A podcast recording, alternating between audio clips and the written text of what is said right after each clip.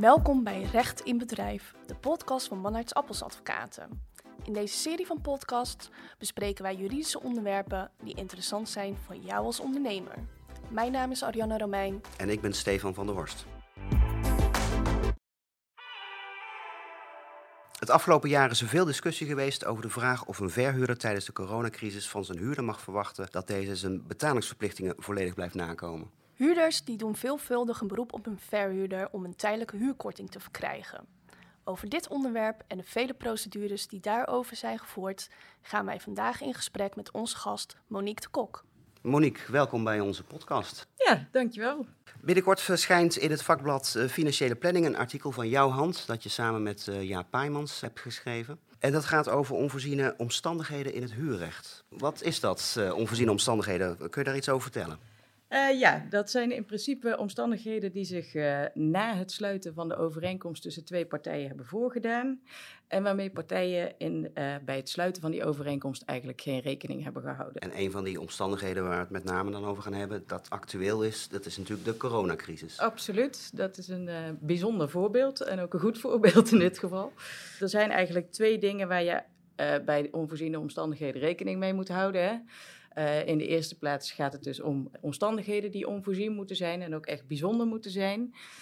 Ja, de tweede voorwaarde waaraan moet worden voldaan is eigenlijk um, dat je als wederpartij uh, door die onvoorziene omstandigheden het nakomen uh, van de huurovereenkomst niet mag verwachten in redelijkheid. Dat zijn strenge voorwaarden, daaraan wordt niet heel snel voldaan. Overigens aan die beide voorwaarden niet, hè, want uh, onvoorziene omstandigheden zijn al uh, bijzonder. Oké, laten we daar even wat op inzoomen. Wat is onvoorzien? Want een pandemie, dat bestaat, dat hebben we nou ja, iets van 100 jaar geleden al een keer meegemaakt, of, of, of niet we?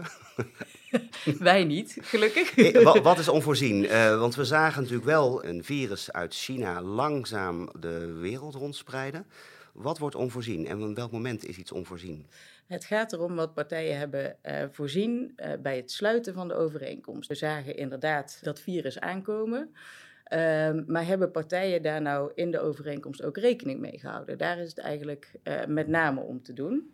Dus ook in de onderhandelingen. Heb je in de onderhandelingen rekening mee gehouden dat er hè, een coronacrisis kwam die zo uh, zo'n effect zou hebben dat er echt lockdown-maatregelen zouden komen. Ja, dat kan in ieder geval ook een, uh, uh, een punt zijn om mee te nemen. Het gaat in principe is wel de graadmeter van wat hebben we nou in dat contract vastgelegd en, en wat hebben we daarin voorzien, uitdrukkelijk of stilzwijgend. Maar daarin kunnen natuurlijk voorafgaande omstandigheden ook weer een rol gaan spelen. Dat is eigenlijk het, het punt van onvoorzien. Wat heb je bij het sluiten van de overeenkomst voorzien? Oké. Okay. Maar als we dan gaan kijken naar um, wanneer dat ongeveer is gegaan. Nou, vorig jaar denk ik dat je dan nog kan zeggen, nou in januari was, het, was de coronacrisis zoals die nu is, was dat onvoorzien. In februari denk ik ook nog wel, maar in maart niet meer. De contracten die eind maart zijn gesloten, daar uh, zijn inderdaad ook al wel een aantal, uh, uh, of daar is ook al wel in de literatuur echt duidelijk van gezegd van ja, dan kun je niet meer spreken van onvoorziene omstandigheden. Na medio maart wist iedereen dat er sluitingen waren, dat die pandemie er was en dat die wereldwijd was. Dan kun je niet meer van onvoorziene omstandigheden spreken. Kun je nou ook niet zeggen ehm, dat die coronacrisis en die lockdown zo lang voortduurt? Dat is misschien nog wel te als onvoorzien aan te merken? Misschien wel. Of wordt het een lastige, een on onhaalbare kaart? Um, misschien wel. Um, er is overigens wel een grappige uitspraak ook geweest in het huurrecht. Dat een verhuurder zei van, nou ja, die tweede golf uh, van sluitingen en die tweede uh, golf van corona en maatregelen, dat pakket aan maatregelen was wel voorzienbaar. Waarbij de rechter dus zei van, nee, het gaat echt om het moment van sluiten van de overeenkomst. Uh, wat jij bedoelt is denk ik inderdaad als je nou eind maart een contract hebt gesloten, je dacht van nou ja, we, we zijn na die eerste golf zijn we er vanaf. Uh, ja, we zijn volop op vakantie gegaan daarna ja, ook nog. Ja, ja het was even weg. Uh, was dan nog te voorzien dat we minimaal een jaar met z'n allen hiermee bezig waren? Ik vraag het me af. Het is, ja, leuk, kunt, het is kunt, een leuke discussie. Je kunt ook zeggen natuurlijk die vaccinaties, uh, dat die on, in ontwikkeling waren, dat was wel bekend. Maar ja. hoe snel die dan beschikbaar zouden zijn, en, want dat is toch wel het, uh, de sleutel om uit deze crisis te geraken, dat is altijd wel onzeker geweest. Klopt. Dus echt onvoorzien, in mijn ogen zou je dat natuurlijk ook weer niet kunnen noemen. Dat die toch wat langer voortduurt dan we eigenlijk hadden gehoopt.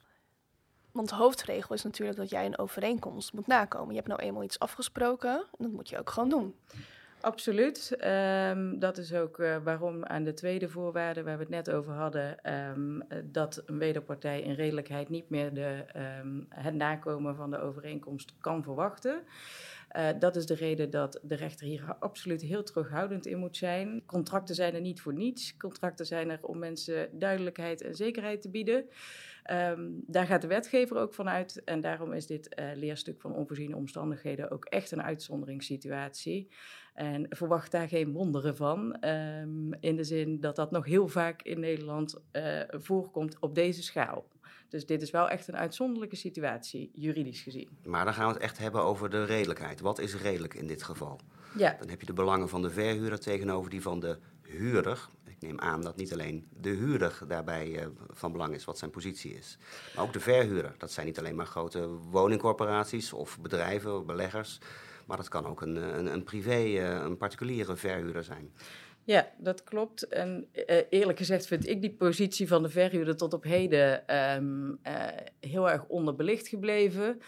Um, dat heeft er misschien ook mee te maken dat in 2020 eigenlijk vooral uh, kort geding uitspraken zijn gedaan door rechters, waarin niet heel uitvoerig op alle belangen van partijen kan worden ingegaan op alle bewijsstukken. Ik heb ook wel een uitspraak voorbij zien komen die me uh, best wel heeft verbaasd. Namelijk een hele grote partij als de retailtak van D-reizen, die een beroep kon doen op onvoorziene omstandigheden voor kantoorruimte die gewoon kon worden gebruikt zelfs. Uh, een miljoenenconcern tegenover een verhuurder die dit ene pand had als kantoorruimte. Dat gaat natuurlijk wel echt heel ver. Uh, Zo'n partij als huurder heeft hartstikke brede schouders. Die verhuurder uh, zit in een hele andere positie. En ja, het is een belegging, maar mensen kunnen daarvoor van levensonderhoud uh, afhankelijk zijn. Dus dat gaat best ver. Als er eenmaal sprake is van onvoorziene omstandigheden, dan kan de rechter de huurovereenkomst ontbinden of de gevolgen van de huurovereenkomst wijzigen. Uh, dat is wat er nu ook veelvuldig gebeurt. Um, als dat beroep op onvoorziene omstandigheden gehonoreerd wordt door de rechter dan zijn er eigenlijk een aantal uh, zaken mogelijk. De rechter gaat bijvoorbeeld uh, tijdelijk de huurprijs wijzigen. Um, uitstel van betaling is een optie. Hè? Dat zien we ook voorbij komen. Uh, dat een huurder tijdelijk niet aan zijn betalingsverplichtingen hoeft te voldoen of niet volledig. Er zijn uh, boetes die uh, normaal gesproken als huurder, als je niet tijdig de huur volledig betaalt, ben je een boete verschuldigd contractueel, in de meeste contracten althans. De rechter heeft die al een paar keer opzij gezet, die regel, omdat dat uh, niet redelijk is in deze tijd. Dus een tijdelijke kwijtschelding van een deel of het geheel? Het is niet de tijdelijke kwijtschelding, maar in vele gevallen is het gewoon echt voor nu, ja, het is een tijdelijke kwijtschelding, maar het is niet dat huurders die later alsnog terug moeten betalen, die penningen. Maar het kan ook zijn dat een huurder even lucht krijgt van de verhuurder, eh, of althans van de rechter, doordat de verhuurder op dit moment even niet alle huurpenningen kan innen.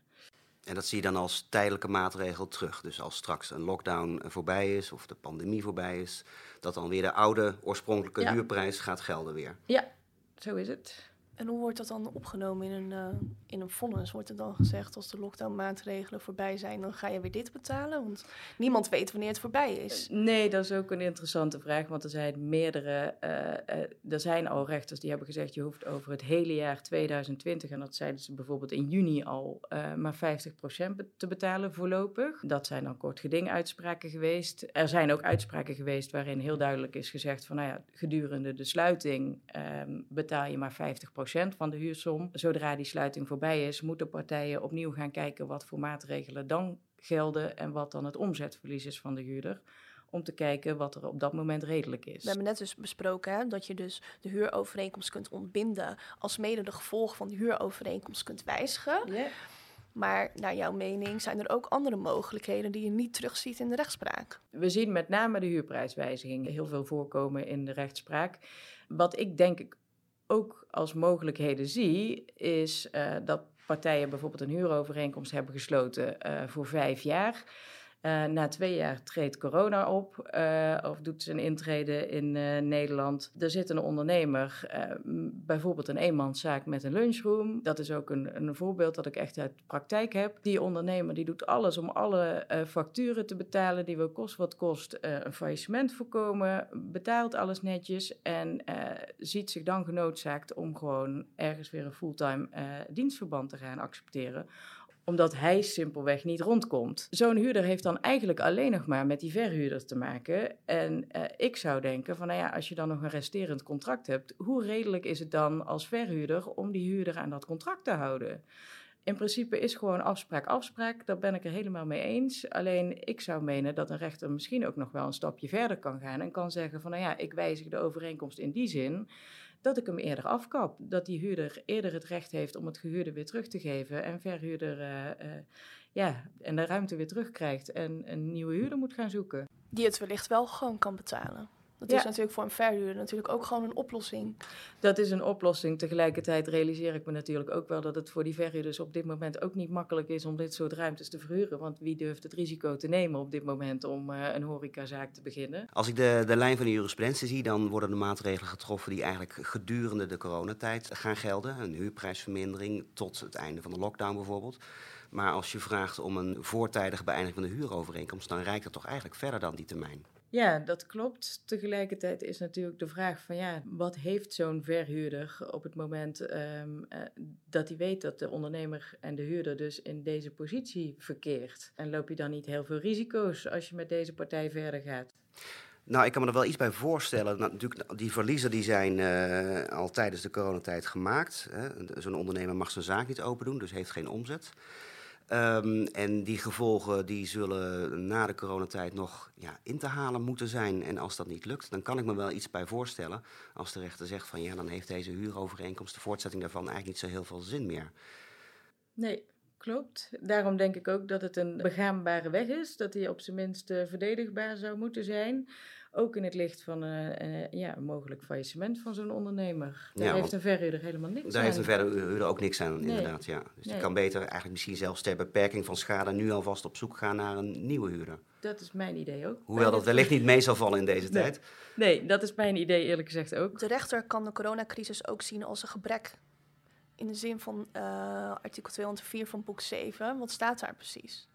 Wat is een gebrek? Nou ja, wat daar precies staat, dan zal ik misschien maar niet zo als zodanig verwoorden. In feite komt dat neer op een eigenschap of staat uh, van de bedrijfsruimte die de huurder niet het huurgenot kan verschaffen wat bij aanvang mocht worden verwacht van dit type bedrijfsruimte. Geoordeeld wordt eigenlijk dat um, de huurder het gehuurde als gevolg van de sluiting eigenlijk niet heeft kunnen gebruiken op de wijze zoals dat op voorhand voorzien was. Een huurder hoeft er namelijk bij aanvang niet op bedacht te zijn dat hij dat gehuurde helemaal niet kan gebruiken en daarin uh, geen omzet kan genereren. Maar als verhuurder zou ik zeggen, ja, met het pand is niets mis. En dat er maatregelen zijn genomen, dat er een pandemie uh, is uh, uitgebroken daar kan ik niks aan doen. Het pand functioneert gewoon. Ja, dat klopt. Dat is ook een discussie. Ik uh, ben het ook niet altijd in alle gevallen helemaal eens met uh, de vraag of het een gebrek is of niet. Want inderdaad, die verhuurder kan daar ook niks aan doen. Alleen uh, ja, wat de verhuurder aan, eraan kan doen is niet relevant voor de vraag of er sprake is van een gebrek of niet. Het is echt iets wat vanuit huurdersperspectief bezien moet worden. Dus heb ik nou het huurgenot dat ik mocht verwachten? Daarom wordt ook de coronacrisis ook regelmatig als een gebrek aangemerkt, als er tenminste sprake is van een verplichte sluiting. Maar in de ROZ-modellen wordt wel het een en ander opgenomen over een gebrek, toch? Dat als er een gebrek is, dat je geen uh, aanspraak kan maken op een huurprijsvermindering. Die ROZ-modellen worden heel veel gebruikt in Nederland. Uh, dat zijn de voornaamste uh, modellen die gebruikt worden. Uh, daarin staat dat als sprake is van een gebrek, je als huurder geen aanspraak kan maken op huurprijsvermindering. Alleen daarvan heeft de rechter al een aantal keren geoordeeld dat ook die contractsbepaling buiten werking kan worden gesteld vanwege de onvoorziene omstandigheid corona. Huurder, wat moet je dus eigenlijk doen? Je moet gewoon op twee paden wedden een procedure. Ja, ik zou uh, vanuit huurder altijd zeggen dat en sprake is van een gebrek en sprake is van onvoorziene omstandigheden. Als verhuurder uh, denk ik dat er soms nog wel iets op het eerst is af te dingen, maar als huurder zou ik het zeker allebei proberen. Dan zie maar hoe de, hoe de verhuurder daarop reageert. Als je als uh, huurder aanspraak wil maken op huurprijsvermindering, hoe vlieg je dat aan? Wat kan, wat kan je dan doen? Ja, wat denk ik het belangrijkste advies is aan, uh, aan huurders, is in de eerste plaats het verzoek te doen bij de verhuurder, maar met name om dat uh, onderbouwd te doen. Als huurder moet je echt inzicht geven in je financiële huishouding. Wat is er aan de hand? Waar heb je last van? Welke tegemoetkomingen heb je gekregen? Wat is je omzetverlies? En dan kun je nog discussiëren over of je dat per maand of per jaar moet gaan bekijken. Maar je zult echt inzicht moeten geven in je financiële huishouding. En dat geldt bijvoorbeeld ook ten aanzien van de overheidssteun die je misschien hebt ontvangen. Of is dat, speelt dat daarbij niet een rol? Dus de TVO-regeling moet daarbij wel worden meegenomen. Die tegemoetkoming is inderdaad voor dit soort kosten ook gewoon bedoeld. Hè? De, het is een tegemoetkoming vaste lasten, waaronder de huur. Dus dat is een relevant uh, punt wat moet uh, worden betrokken. De tegemoetkoming vaste lasten is niet alleen alleen voor de huur. Er zijn meer vaste lasten waar die tegemoetkoming voor dient. Maar het is wel een aspect wat moet worden bekeken. Maar het blijft natuurlijk een tegemoetkoming, dus dat zal geen volledige dekking zijn. Nee, klopt. Anderzijds, als je een tegemoetkoming krijgt voor de huur van bijvoorbeeld 1000 euro, dan zou ik menen dat die moet worden afgetrokken van de huurprijs. En we dan bijvoorbeeld gaan kijken naar het omzetverlies. Dat zou ik redelijk vinden. Maar goed, ik ben uh, geen rechter. Als jullie heb je de nodige huiswerk te doen. Dat klopt, want je moet dus echt, ik zou menen met een accountant of een boekhouder, echt inzicht gaan geven. Je kunt niet simpelweg achterover hangen en je handje ophouden bij de verhuurder. Je moet dat echt onderbouwd doen en laten zien waar jouw problemen zijn ontstaan. Dat er sprake is van omzetverlies als gevolg van de uh, coronacrisis. Hoe hoog dat omzetverlies is, of dat toch wel in afdoende mate uh, te relateren is aan die corona. Bedoel, een omzetverlies van 10% zal misschien niet per se uh, corona gerelateerd zijn. Dus daar zijn ook nog wel uh, wat discussies over te voeren. Maar het belangrijkste advies is dus: uh, ga naar die verhuurder met alle juiste stukken. Laat zien wat je aan steun hebt ontvangen en waar jouw moeilijkheden zitten. En dat het echt niet aan jezelf te wijten is uh, dat je op dit moment niet aan de, huurverplichtingen kunt voldoen. Maar kun je als verhuurder ook zeggen: Nou, laat ook maar eens zien waar jouw mogelijkheden nog wel uh, liggen? Hè? Bijvoorbeeld als je horecapand dicht is, dan kun je misschien terugvallen op je bezorgservice. Ja, ik vind dat een hele terechte vraag. In de uh, bodemuitspraken in 2021 wordt dat nog wel eens besproken, maar dan wordt er bijvoorbeeld uh, aangegeven van ja, de rechter heeft niet kunnen vaststellen dat uh, alle inspanningen die huurder heeft verricht om andere omzet te genereren, um, dat die niet voldoende zijn geweest. Ja, je ziet ook in de rechtspraak dat als je dat dus niet goed doet als huurder, dat je echt de deksel op je neus krijgt als je eenmaal bij de rechter zit. Dat klopt. Het kan leiden tot uh, bijvoorbeeld echt een afwijzing van de vordering. Het kan ook leiden tot een, een lagere uh, vaststelling van huurprijsvermindering. Als huurder is het echt wel te adviseren om dat gelijk goed te doen. Ook al bij de verhuurder op voorhand, vind ik, maar zeker bij de rechter. Monique, jij hebt heel veel rechtspraak bestudeerd over dit onderwerp. En wat is jou opgevallen? Nou, wat eigenlijk opvalt is uh, dat in het eerste jaar werden eigenlijk met name kort geding uitspraken gewezen. Niet heel uitvoerig gemotiveerd. Vaak werd de meest relevante discussie wat mij betreft geparkeerd eigenlijk voor de bodemprocedure. Laat die rechter in de bodemprocedure het verder maar uh, netjes uit gaan zoeken. Daar werd al vrij snel gezegd uh, van wij vinden een verdeling van 50-50. dat wil zeggen dat de huurder 50% minder huur hoeft te betalen voorlopig um, redelijk. Ik vond dat eerlijk gezegd wat kort door de bocht. Maar goed, dat is wel een lijn die is gevolgd. In ieder geval, heel vorig jaar uh, werd die lijn steeds duidelijker zichtbaar. Een verdeling 50-50 vinden de rechters redelijk. Een andere lijn die ook wel uh, zichtbaar is, we hebben het nu over eigenlijk die 50-50 verdeling. Dat gaat eigenlijk over uh, de periode van verplichte sluiting. Dus als alle, uh, toen alle maatregelen van kracht waren of nog steeds zijn. Daarvoor ziet die 50-50 regeling eigenlijk. Uh, maar er is ook een periode daartussen geweest. En uh, de eerste lijn die ik in de rechtspraak heb gezien is dat in die periode daartussen vaak 25% huurkorting werd toegekend. Dus bijvoorbeeld ook uh, op het moment dat de horeca nog vroeger dicht moest. Of, um... of de terrassen nog open waren, zeg maar in de zomerperiode, ja. dat ze nog wel omzet konden draaien. Exact. Maar er was, was omzet mogelijk, maar minder. Een tweede lijn die ik zie, en dat is inderdaad meer recent in de bodemuitspraken die inmiddels zijn gewezen. En dat is eigenlijk de lijn van de rechtbank Amsterdam. Er is ook al wel uh, min of meer uit de achterkamers bevestigd dat dat de lijn van de rechtbank Amsterdam is. Dat het daadwerkelijke omzetverlies door partijen gedeeld moet worden. Dus stel, een partij heeft 100% omzetverlies, wat bijna nooit voorkomt. Dan moet die pijn door twee worden gedeeld. En dan zou pas een huurprijsvermindering van 50% gerechtvaardigd zijn. Is dat omzetverlies minder, en dat zal natuurlijk in de meeste gevallen zo zijn, ehm, dan wordt dat percentage omzetverlies door tweeën gedeeld. Dus leid je een omzetverlies van 75%, dan komt uh, 37,5% uh, huurprijsvermindering toe. Eigenlijk mijn vraag is dan, is, is omzet wel een reëel uitgangspunt? Uh, want je moet toch kijken eigenlijk van, uh, of je niet onder de streep gewoon verlies draait.